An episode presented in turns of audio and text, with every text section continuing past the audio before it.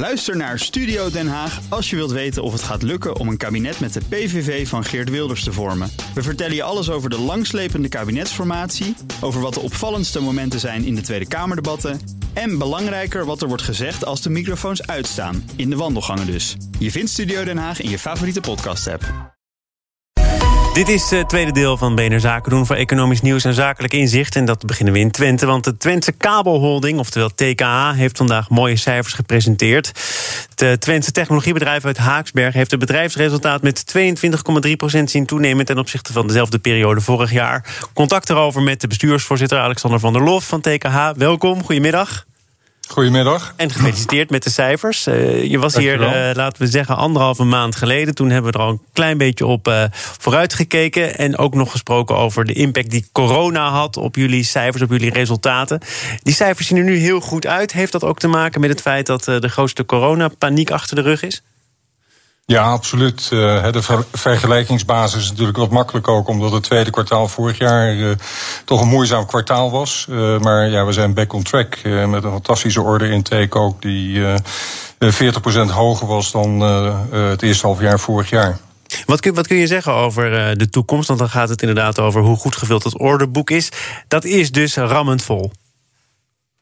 Uh, daar kan altijd nog ietsje bij. Oh, Want uh, ja, wij, wij investeren ook in de toekomst en uh, zorgen dat we ook snel kunnen reageren op, op extra vraag. dus in die zin zit er nog wel wat in het vat, ook richting 2020, 2022 en, en 2023. Uh, ja, we hebben een forecast gegeven voor uh, ook het hele jaar uh, met een bandbreedte. En dat ziet er goed uit. Betekent dat we in het tweede halfjaar een nog betere performance zien. verdere stijging van het resultaat in het tweede halfjaar ten opzichte van het eerste halfjaar. Ja, en, en waar zit hem dat dan in? Waar zie je dat de markt echt al fors herstelt en sterker nog echt vooruitgang laat zien? En waar blijft het nog een beetje achter?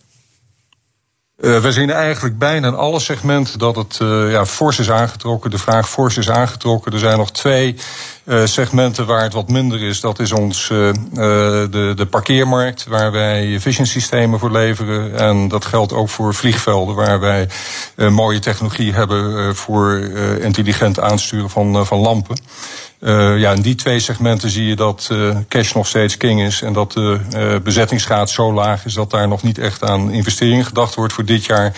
Maar dat ziet er wel zeer hoopgevend uit voor 2022.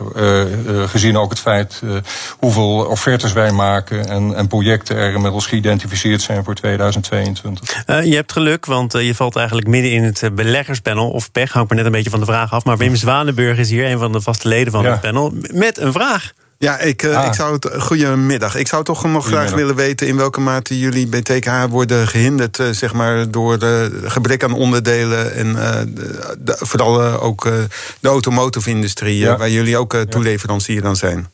Ja, nee, dat is een hele goede vraag. Uh, in het eerste halfjaar is dat uh, echt uh, vrij beperkt geweest. En in het tweede halfjaar verwachten we daar ja, wat meer hinder van te hebben. En dat zal een effect hebben ongeveer van 20 tot 30 miljoen op onze omzet. dat kan nog meevallen. we hebben ook in het eerste halfjaar gezien dat we toch oplossingen konden vinden. we zijn nu nog wat voorzichtig geweest in onze forecast. Maar op een totaal, zeg maar ongeveer een, een, omzet in het tweede halfjaar van 700 miljoen... is die impact ook in het tweede halfjaar dus toch nog wel beperkt. En met kabels voor uh, windparken enzovoort gaat het uh, vrij goed. We gaan straks nog spreken over het thema verduurzaming en uh, energietransitie enzovoort. jullie profiteren daar ook van. Zou je zelf TKH ook echt als een nou ja, duurzame belegging, een, ja. een groene leverancier willen kwalificeren? Ja, absoluut. Uh, wij hebben überhaupt uh, een heel groot deel van onze omzet gerelateerd aan SDG's. En uh, ja, de, de, duurzaamheidsagenda is ook bij ons, heeft hele hoge prioriteit. We gaan ook verdere investeringen doen in die subsidieactiviteiten. ja, belangrijk ook om te zien dat alles steeds groter wordt. En wij moeten daar ook in mee. grotere dimensie kabels. En uh, ja, de vooruitzichten zijn daar echt, eh, echt heel erg positief. Uh, er zal zelfs misschien een moment van schaarste komen op, op componenten. In de zin van kabels, dat, dat er niet voldoende capaciteit is. Nou, daar profiteren wij natuurlijk van. Dat, ja, dat is een luxe probleem. Heel kort om het groepsgesprek af te ronden. Want Simon van Veen, ons andere panelid, heeft zich inmiddels ook gemeld met, ik hoop, een ah. scherpe vraag. Nou, ik, ik wilde even voortborduren op dat thema van de, uh, van de onderzeekabels voor de windparken. Um, u, heeft daar natuurlijk een paar jaar geleden een hele nieuwe fabriek voor geopend. En ja. Um, nou ja, dat, dat heeft wat tijd gekost, zeg maar, voordat die opdrachten, voordat die orders binnenkwamen. Hoe, hoe is de bezettingsgraad van die, van die nieuwe fabriek nu? Hoe, hoe ziet u dat? Uh... Ja, die is hoog. Uh, we hadden voor dit jaar een omzet van 40 miljoen gebudgeteerd. die die eh, is ook binnengekomen. En ook voor volgend jaar hebben we alweer uh, datzelfde niveau aan opdrachten binnen. En daar kan nog wat bovenop. En dan zitten we al op een, een behoorlijk forse bezettingsgraad van zeg maar 60, 70 procent. En we zijn voornemens om aanvullende investeringen te doen. We hadden oorspronkelijk bedacht een nieuwe fabriek aan de kust te bouwen, maar dat zal veel later worden. Want die doorlooptijd is gewoon te lang. Dus we hebben inmiddels besloten om de focus te zetten op onze fabriek in Lochem en die uit te breiden. Alexander van der Lof, bestuursvoorzitter van TKH. Dank voor dit gesprek. Beleggerspanel. Een van de grootste aandeelhouders van het failliete Duitse Wirecard... begint misschien een uh, revolutionaire rechtszaak voor een schadevergoeding.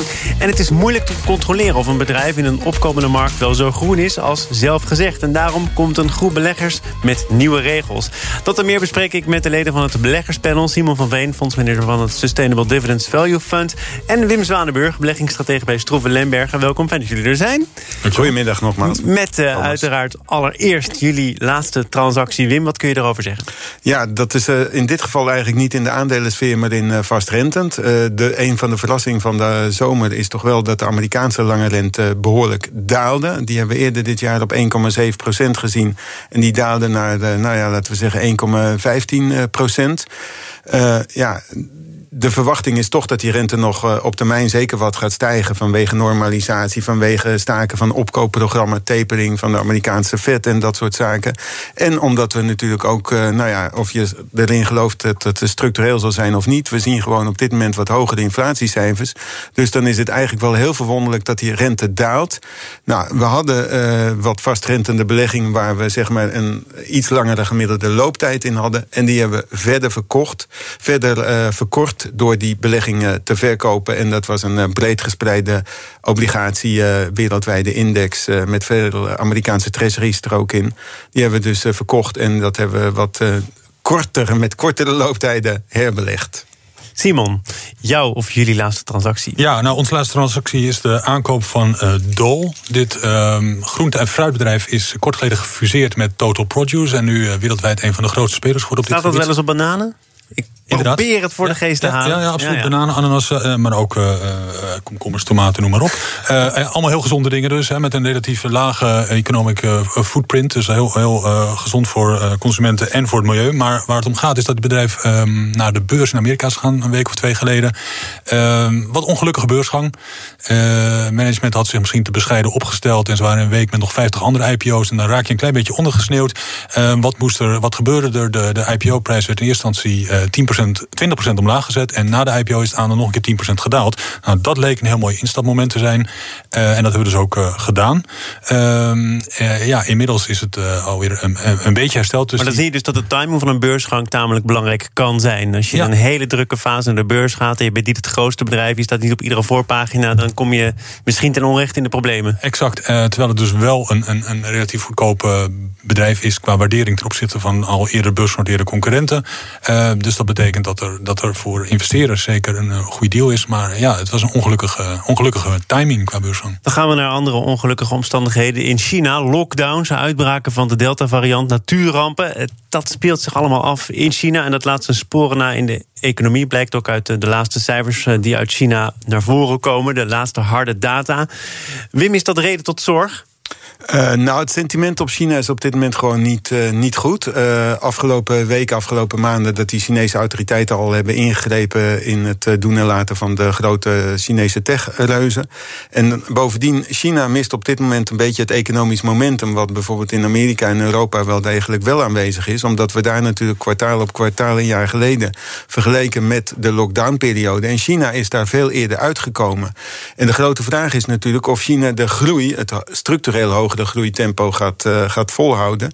En als daar maar de geringste twijfel over is, dan, ja, dan komt er weer wat verdere twijfel ook in de, in de markt. Maar zou die twijfel gerechtvaardigd zijn als ik jou die grote nou, vraag mag stellen? Ik, de, ik denk het eerlijk gezegd niet. Want als je kijkt de tegenvallen van, ten opzichte van, van de taxaties, die, die, die, is, die is gewoon aanwezig. Maar bijvoorbeeld de retail sales, die werden geschat op bijna 11 procent. Dat kwam uit op 8,5. Nou, valt en dat, dat valt dan een in beetje Chinese tegen. perspectief. Maar dat zijn relatief natuurlijk toch hartstikke goede groeipercentages. Het uh, industriële productie was bijna 8% getaxeerd, kwam uit op 6,4. Nou ja, ik zou dat niet een hele dikke min noemen, zoals een van onze economisch collega's, commentator hier op de zender, dat heeft uh, genoemd. Geen idee of wie het zou kunnen hebben. Ja. Nou ja, maar misschien heeft het ook te maken met hoe China bijvoorbeeld zo'n uitbraak te lijf gaat. Eén besmetting in een hele grote haven, twee keer zo groot als Rotterdam. En een heel groot deel van die haven gaat direct op slot. En dat heeft niet alleen gevolgen, Simon, voor China, maar ook voor de landen daaromheen. Ja, dat heeft direct gevolgen, want uh, dat zorgt voor, voor, voor spanning in de containermarkt en uh, voor, voor congestie in de scheepvaart. En uh, het vervoer is allemaal nog wel mogelijk, maar je moet een andere haven zoeken, je boot moet naar een andere haven varen. En het, dat duurt het allemaal langer en het wordt duurder daardoor. Ehm, dus dat heeft absoluut gevolg voor de, voor de prijzen van containervervoer. En, die toch al waren opgelopen? Die toch al waren opgelopen, inderdaad. Um, dus daar, daar, uiteindelijk hebben we daar allemaal ja, in meer of mindere mate wel last van. Ja, het gebrek aan onderdelen. En uh, ja, de Duitse industrie, Duitsland, wat toch nog uh, van de Europese landen in de eurozone echt wel uh, de grootste maakindustrie heeft. Industriële sector. Het is wel eens iets te veel licht op. Dat is echt beduidend minder van omvang dan de dienstensector. Maar in Duitsland toch wel van groot belang. En daarom heeft het uitstraling. Daarom waren de gisteren Europese markten ook wat negatief gestemd. Ja. En ja, eigenlijk vanwege de fallout van dat gebeurde in, in China. Maar Simon, als ik jou dan dezelfde vraag mag stellen. Maak jij hier enige zorgen over? Uh, nou, niet voor de hele lange termijn. Want, want uh, zo'n ja, zo'n maatregel in China. Hè, er mag nu uh, bijvoorbeeld een stuk minder binnenlands gevlogen worden. Omdat ze mensen, om mensen niet over de provinciegrenzen mogen reizen. En, en die haven zit tijdelijk op slot. Maar we weten ook dat dat, dat, dat na een aantal weken weer teruggedraaid kan worden. En dan wordt dat soort probleem wel weer opgelost. Ja, maar het is allemaal tijdelijk, maar het is en, en, en, en, en. Want Wim ja. haalt ook terecht aan dat bijvoorbeeld die grote Chinese bedrijven. nou lettend in de gaten worden gehouden. Sterker nog, er wordt gewoon ingegrepen door bijvoorbeeld de Chinese overheid. Nee, dat klopt helemaal. Als die uitbraak zeg maar, in China wat verder gaat en, en er nog één of twee havens gesloten worden of andere maatregelen genomen worden die, die last hebben voor wereldwijde economische groei, dan uh, zul je dat zeker terugzien in de beurs. En dan kunnen we zo, uh, ja, kunnen, kunnen beurzen zo een paar procent dalen, absoluut. Nou, je ziet dat de Chinese autoriteiten heel snel ingrijpen. En dat is vorig jaar uh, niet met de uitbraak zelf, maar de bestrijding daarvan toch wel tamelijk effectief geweest. Ze stonden toch bijna een kwartaal later weer op de benen. Dus vorig jaar, in 2020, was het uh, tweede kwartaal liet al heel duidelijk herstel zien in China. En toen begon de ellende pas in de rest van, uh, van de wereld.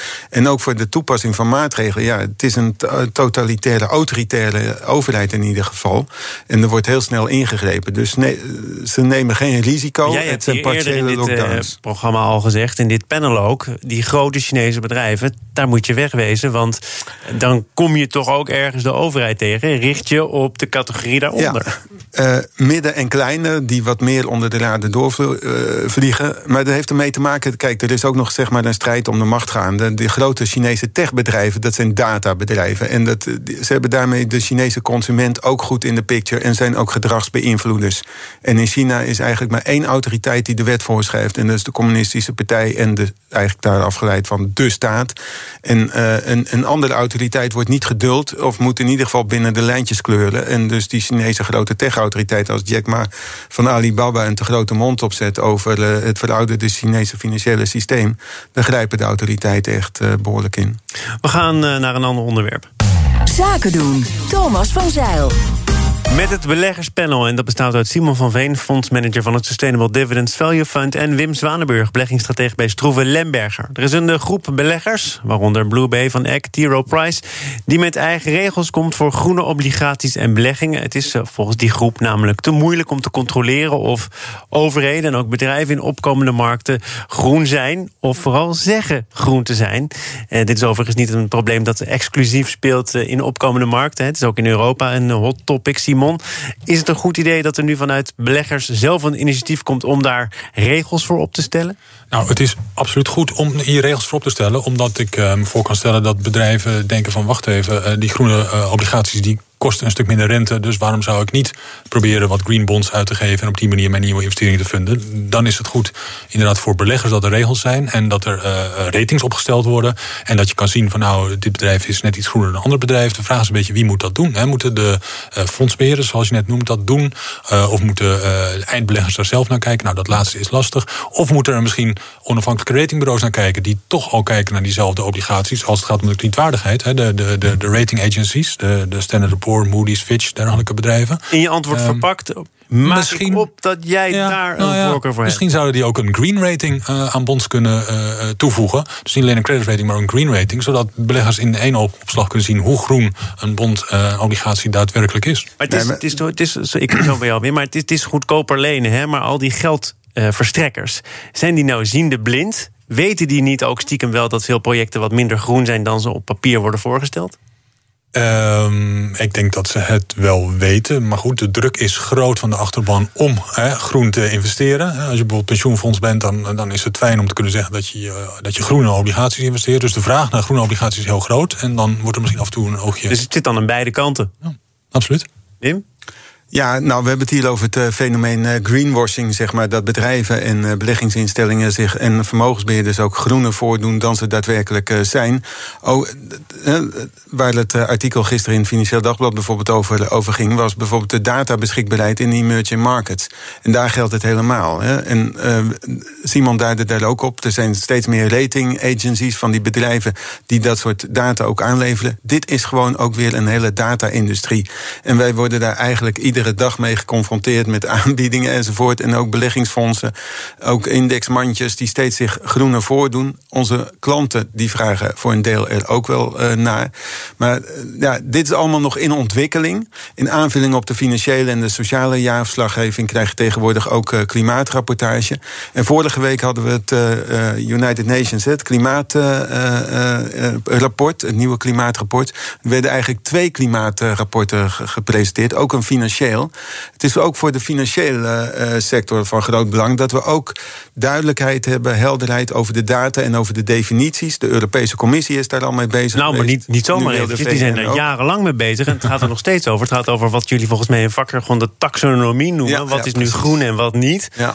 En, dat en ben je wij, lichtgroen of donkergroen? Dat, dat gaan wij in dit panel eventjes niet oplossen. Wat meteen ook wel de complexiteit aangeeft van dit hele probleem. Ja. Want uh, kernenergie bijvoorbeeld vrij fundamenteel. Maar er wordt totaal verschillend over gedacht. Door ja, in Frankrijk is het groen en in Duitsland is het vreselijk. Dus, ja, dat is, uh, precies, dus het hangt ook nou samen met de politieke in, inschatting. En uh, ja, de achterban en ook van stichtingen en verenigingen... die denkt wel eens uh, wat, wat verschillend over dit soort zaken. Maar moet je niet oppassen dat je horendol wordt van alle certificaten... weer een setje nieuwe regels, deze keer vanuit vermogensbeheerders... vanuit beleggers, dan heb je nog Europese regelgeving... dan hebt... heb je misschien nog wel een taak die er weggelegd is... Wij hebben daar discussie over, Thomas, van wie je dan als scheidsrechter uh, moet, uh, moet aanwijzen. En of je daar heel strak naar de lijntjes kan kijken als een VAR van was het buitenspel of niet. Uh, kan je dat aan eigen getal ophangen of moet je kijken van wat is de impact over de loop van, van de tijd. Dat is wel een heel wezenlijke discussie. Wat de Europese Commissie en andere hoge autoriteiten willen bewerkstelligen is toch dat de economie verduurzaamt. En dat kan je ook bereiken door zeg maar, goederen op de juiste manier te beprijzen. Dat zeg maar, in de marktprijzen ook een klimaatcomponent, ook een nou ja, duurzaamheidscomponent wordt meegenomen. En dat je bijvoorbeeld een, een fair prijs voor grondstoffen of dat je hogere prijzen betaalt voor bijvoorbeeld uh, uh, grondstoffen waar een hoge uitstoot van emissies aan vastgeklonken is. Nou, kijk maar naar de olieprijs. Ja, maar de grootste beweging op de, op de markt bij de olieprijs wordt niet uit milieuoverwegingen uh, zeg maar, de, uh, getekend, maar gewoon een kwestie van vraag en aanbod. Omdat we vorig jaar een enorme vraaguitval hadden, ging die olieprijs omlaag. Dit jaar schiet de olieprijs eerst weer behoorlijk omhoog. Niet omdat we. het heeft eigenlijk weinig met vergroening te maken, maar gewoon met het gebruik. En het duurt nog jaren. We zullen echt nog 10, 20, 30 jaar afhankelijk zijn voor een flink deel van fossiele grondstoffen, voor gebruik ervan. Maar we moeten in deze wereld wel werken aan de verduurzaming. En daar moeten we ook nieuwe criteria voor vaststellen. En dat moet ook in emerging markets gebeuren. En daar hebben de beleggers op aangedrongen dat het ook in de juiste manier in de kostprijs en de financiering wordt verdisconteerd. Terug naar waar die beleggers zich zorgen over maken. Namelijk het feit dat je ook je geld maar één keer kunt uitgeven. En dat er dus uiteindelijk misschien wel projecten zijn echt duurzaam, die achter het net vissen, die niet aan financiering kunnen komen. Is dat uh, een reëel scenario? Uh, dat, ja, dat zou zeker kunnen. Um, ik denk dat het uh, belangrijk is, daar is misschien een belangrijke rol voor de overheid weggelegd om te zorgen dat ook dat soort projecten uh, financiering kunnen vinden. En volgens mij zijn er ook allerlei fondsen voor in Nederland die, die daarvoor zorgen. En op e- Europees niveau ook. Dus, uh, ja, het gaat nu over die opkomende markten, waar het misschien toch net op een nou, andere manier georganiseerd is. Ja, dat klopt. Nou ja, daar moeten misschien uh, instituties als de, de, de, de, Wereldbank en dergelijke een, een rol spelen. Uh, om te zorgen dat ook daar voldoende funding aanwezig is. Volgens mij doen ze dat ook. Nou, het is voor een deel groene marketing natuurlijk. Maar goed, zeg maar als de klimaatverandering plaatsvindt, dan heeft dat ook met risico's samen te, ma te maken. Klimaat verandert, dat zorgt voor grotere zeg maar, uitslagen in, weersomstandigheden voor overstromingen enzovoort. Dat moeten we allemaal op een juiste manier gaan inschatten en gaan beprijzen ook. En daar moet eenduidigheid in uh, de criteria komen. En de Europese Commissie, de VN, die werkt daar uh, aan. En uh, ja, beleggers moeten daar toch wel rekening mee gaan houden. Laten we tot slot gaan naar het misschien wel meest besproken bedrijf in dit panel afgelopen jaar, namelijk uh, Wirecard, een van de grootste aandeelhouders van dat Duitse failliete bedrijf inmiddels, Wirecard, begint een rechtszaak om een schadevergoeding te krijgen. Het gaat om eh, Union of Union Investment, de op twee na grootste vermogensbeheerder in Duitsland. Um, ik ga jullie niet vragen om een korte samenvatting te geven van wat er allemaal aan de hand was bij Wirecard, maar bleek in ieder geval één groot luchtkasteel te zijn. Miljarden waren er niet, die er eerst op papier wel leken te zijn. En nu is er dus een grote aandeelhouder die zegt: ja, maar ik wil daarvoor. Aandeelhouder, dat is heel goed gezegd, uh, Thomas. Want een aandeelhouder die zeg maar nu een rechtszaak uh, begint. Normaal gesproken zijn de schuldeisers, de houders van obligatieleningen, van bankkredieten en zelfs de Belastingdienst, die staan vooraan in de rij van schuldeisers. Van ook uh, wat er overblijft uit, uh, uit de boedel, wat de curator nog heeft te verdelen. Maar nu zegt de aandeelhouder: wij zijn zodanig onjuist voorgelicht dat wij eigenlijk ook een schuldeiser zijn. In plaats van een aandeelhouder. Die staat normaal gesproken helemaal achteraan. De aandeelhouders staan normaal gesproken helemaal achteraan. En Wirecard was inderdaad groot. Hè. Het was een van de, de big stars in Duitsland, onderdeel van de DAX 30, de trots van technologisch Duitsland. Maar dat bleek onvoldoende gecontroleerd door de accountant en bleek inderdaad een luchtkasteel uh, te zijn. En is in onderdelen verkocht en er blijft heel weinig van over.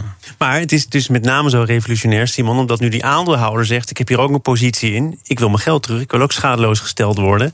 Hoeveel kans van slagen heeft dat? Ik ben geen specialist op Duits recht, maar, maar volgens mij geldt in Duitsland ook de regel dat de aandeelhouder eh, als, als laatste aan de beurt komt: eerst de Belastingdienst, dan de andere schuldeisers, de, de obligatiehouders en dergelijke crediteuren. En, en als er dan heel, heel lang daarna nog iets overblijft, dan misschien de aandeelhouders. En, en er is nou, niks over. Er is helemaal niks over. Er is 600 miljoen uh, is er ontvangen voor de, voor de bedrijfsonderdelen die nog uh, te, te verkopen waren. Um, en er is een volgens mij totale claim van 14 miljard. Dus het een staat in geen maar verhouding. Je begint zo'n rechtszaak misschien ook om een precedent te kunnen scheppen voor de volgende keer. Ja, misschien dat ze daar geld willen stoppen. Ik weet het niet. Ja, je hebt echt nul fiducie in, begrijp ik. Eh, daar hier, dit, is, dit, is, dit is kansloos. Als casus is het interessant, maar eh, ik denk toch... Uh, ja, Wirecard, je kan al op YouTube er documentaires van zien... maar uh, we willen nog meer het inside-verhaal. De topman is nog steeds uh, zoek. en, en, en, straks, nou, ik denk wel dat we ooit Wirecard de movie gaan zien. Dan is het een interessante schandalen- en boevenfilm... waar toch wel wat valt te leren. Dat je echt de zaken eens een keer goed moet onderzoeken. Ja, je, je kan ook zeggen, Union Invest heeft te lang gewacht met dit verkopen. We hebben het heel vaak over gehad inderdaad in het programma... of je, of je die, op die lage koers nu wel moest kopen of toch je verlies nemen. Nou, Union Invest heeft gewoon vergeten verlies te nemen. En ze zijn te lang blijven hangen. En, en ze zeggen dat dat is op basis van informatie van het bedrijf, ongetwijfeld. Maar die volgorde waar je het net over had en waar Wim het ook over had... namelijk Belastingdienst, dan anderen, dan de aandeelhouder eigenlijk dus eigenlijk helemaal achteraan als er zo goed als niks meer te verdelen is. Moet dat een keertje tegen het licht gehouden worden of hou dat lekker in stand? Het is goed zo. Nou, aandeelhouders lopen, uh, die krijgen ook het grootste deel van de winst als het goed gaat. Dus die moeten ook ja. de verliezen dragen als het slecht gaat. Dus ja, dat, nee, dat, dat lijkt mij de juiste volgorde. Risico Je kan hooguit over de positie van de Belastingdienst discussiëren. Ja. maar, uh, maar de aandeelhouders zijn als laatste, ja. Ik ben ook geen specialist in Duits recht, maar internationaal is dit wel zeg maar, de standaardverdeling in de verschillende landen en uh, juridische regimes. Uh, aandeelhouders zijn verschaffen van risicodragend kapitaal en delen in de opbrengsten, maar ook af en toe helaas in de verliezen. Ja, en Union heeft hier dan zelf een verkeerde afweging Ik denk dat het voor een deel ook, hè, zij zijn vermogensbeheerders, dus zij hebben ook weer klanten namens wie ze hebben belegd. Dat het ook wel een beetje kwestie is van, uh, we hadden het eerder over greenwashing, dat dit ook een beetje een, een soort schoonwassen van je straatje is. Van ik heb zelf als vermogensbeheerder onvoldoende onderzoek gedaan, maar ik werd verkeerd voorgelicht. Ja, ja. daar kan je natuurlijk eindeloos Kan het niet bij het geval zijn? Ik Want denk dat, dat dat je verkeerd bent voorgelicht zal ook Natuurlijk. ongetwijfeld aan de orde zijn. Ja. Nee, dat is, dat is waar, maar dat betekent niet dat je het risico bij een ander kan Ja. neerleggen. Ja, bovendien was de Financial Times. De al wel een Finan- ik wou het net zeggen, Thomas. De Financial Times is er met eh, onderzoeksjournalistiek al hier eh, op dit dossier. Even een eh, landsbreken voor de onderzoeksjournalistiek. Ja. voor Ja, media in het algemeen. Ja, terecht. steunen we. Tot slot nog even, want tussendoor werd ook bekend dat er een zeer kritisch rapport over eh, de handel en wandel van EY in dit dossier toch niet openbaar hoeft te worden gemaakt.